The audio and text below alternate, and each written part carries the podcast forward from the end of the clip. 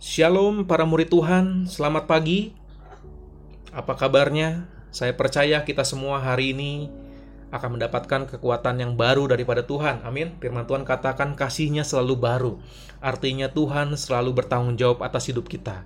Hari ini, besok, dan sampai selama-lamanya. Amin.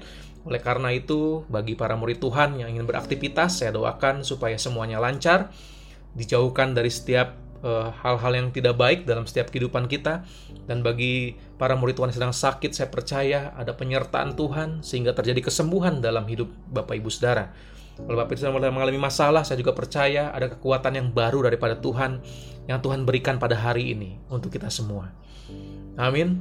Hari ini saya akan mengajak para murid Tuhan untuk sama-sama membuka di Efesus 2 ayat 1 sampai 10. Saya ingatkan kepada para murid Tuhan, sebelum melanjutkan mendengarkan firman Tuhan ini, terlebih dahulu Bapak Ibu atau para murid Tuhan bisa membaca terlebih dahulu dalam Efesus 2 ayat 1 sampai 10. Jika para murid Tuhan sudah selesai, sudah selesai membacanya, para murid Tuhan bisa kembali melanjutkan mendengarkan renungan ini supaya kita semua dapat lebih mengerti makna dan tujuan renungan hari ini untuk memperkuat iman kita. Amin para murid Tuhan. Kalau para murid Tuhan baca di Efesus 2 ayat 1 sampai 10, Paulus menyampaikan sebuah hal-hal yang dasar dalam kehidupan kita sebagai orang percaya. Paulus menyampaikan pesan yang luar biasa, sangat powerful. Waktu saya membaca dan merenungkan ayat ini, saya juga kembali diingatkan, bahkan saya semakin terus berapi-api. Dan saya percaya bahwa tujuan saya diselamatkan itu karena kasih selain karena kasih karunia Tuhan, karena Tuhan juga punya rencana yang luar biasa dalam setiap hidup saya dan saya juga percaya itu juga terjadi dalam setiap kehidupan para murid Tuhan. Amin. Kita baca ayat yang pertama sampai ayat yang ketiga. Ayat yang pertama kita baca, "Kamu dahulu sudah mati karena pelanggaran-pelanggaran dan dosa-dosamu." Yang kedua, "Kamu hidup di dalamnya karena kamu mengikuti jalan dunia ini."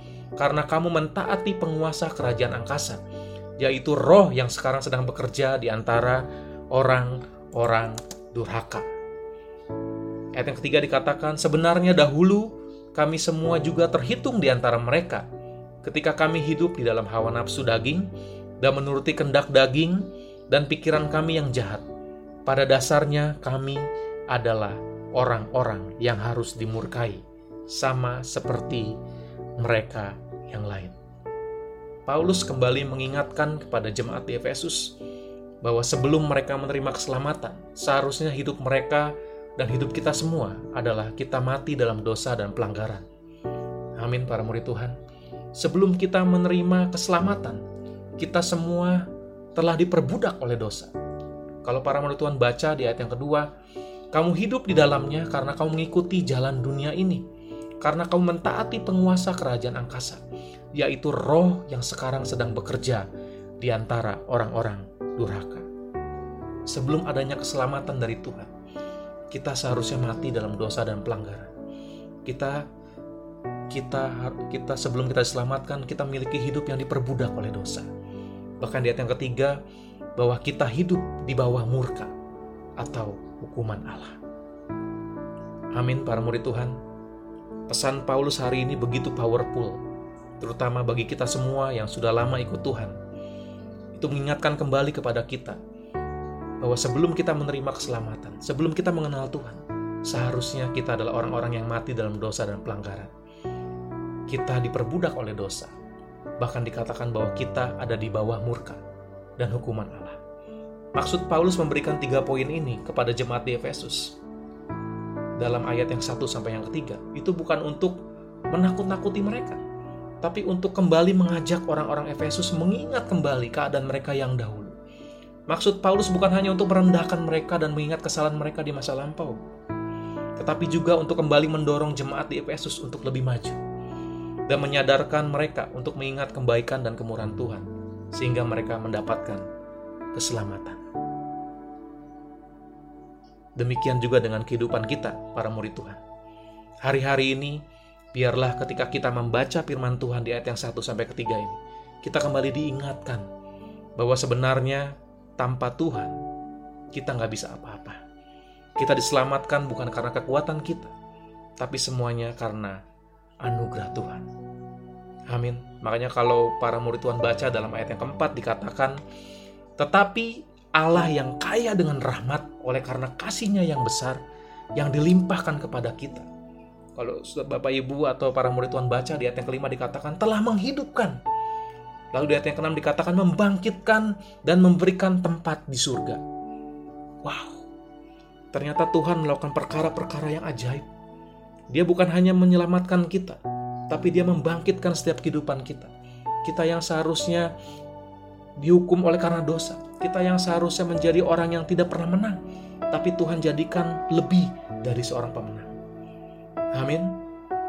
Luar biasa sekali kebaikan Tuhan dalam setiap kehidupan kita, para murid Tuhan. Saya bersyukur saya punya Tuhan yang selalu baik dalam setiap hidup saya. Amin. Kita harus ingat bahwa segala hal yang kita dapatkan itu karena bukan karena usaha kita, tetapi karena kasih karunia. Amin. Ingatlah selalu bahwa karena kasih karunia kamu diselamatkan. Itu bukan hasil usahamu, tetapi pemberian Allah. Amin. Mari sama-sama kita flashback ke kehidupan kita di masa-masa sebelum kita kenal Tuhan, sebelum kita diselamatkan, bahkan sebelum kita dipulihkan oleh Tuhan. Saya adalah anak yang sangat minder, para murid Tuhan. Ketika SMP, keluarga saya bangkrut, saya jadi anak yang minder, saya yang tadinya merasa bangga dengan kehidupan saya, tapi ketika waktu saya lihat orang tua saya jatuh dalam ekonomi, sehingga saya harus tinggal dalam rumah saudara, karena saya tidak punya rumah lagi, kami sekeluarga tidak punya rumah lagi, saya harus pindah kota, saya sekolah di, di kota yang baru, saya menjadi anak yang sangat minder. Saya pikir bahwa masa depan saya sudah hancur, bahwa tidak ada pengharapan. Tapi suatu waktu ketika dua SMP, saya menerima Tuhan sebagai juru selamat pribadi saya, para murid Tuhan. Dan saya merasakan bahwa Tuhan bukan hanya bukan hanya menyelamatkan hidup saya dari setiap dosa-dosa, tapi Tuhan telah menghidupkan hidup saya. Bahkan Tuhan membangkitkan. Saya saya dibangkitkan. Saya percaya bahwa saya dipilih Tuhan. Bukan saya yang memilih, tapi Tuhan yang memilih saya. Sehingga Tuhan bisa hidup bisa ubahkan hidup saya yang tadinya anak yang minder, yang tidak yang takut memiliki masa depan, yang takut bahwa hidupnya akan hancur. Tapi ketika saya kenal Tuhan, saya diberikan kasih karunia. Amin. Para murid Tuhan, bagaimana keadaan hidupmu ketika engkau belum diselamatkan? Baiklah hari ini kita kembali mengingat awal-awal di mana kita ketemu Tuhan secara langsung. Awal-awal ketika kita pertama kali kenal Tuhan awal-awal di mana Tuhan begitu hidup dalam setiap hidup kita. Amin para murid Tuhan. Saya percaya setiap kita miliki pengalaman-pengalaman yang luar biasa. Ingatlah, itu semua karena kasih karunia dan kekuatan Tuhan. Itu bukan hasil usaha kita, tapi pemberian Allah. Dan tahukah para murid Tuhan, ketika kita mendapatkan kasih karunia, itu tidak membuat kita menjadi orang yang pasif, tetapi kita harus menjadi anak-anak Tuhan yang bergerak untuk melakukan pekerjaan-pekerjaan baik. Amin. Yaitu mengasihi sesama, menjadi saksi Tuhan mungkin, atau hidup dalam panggilan Tuhan.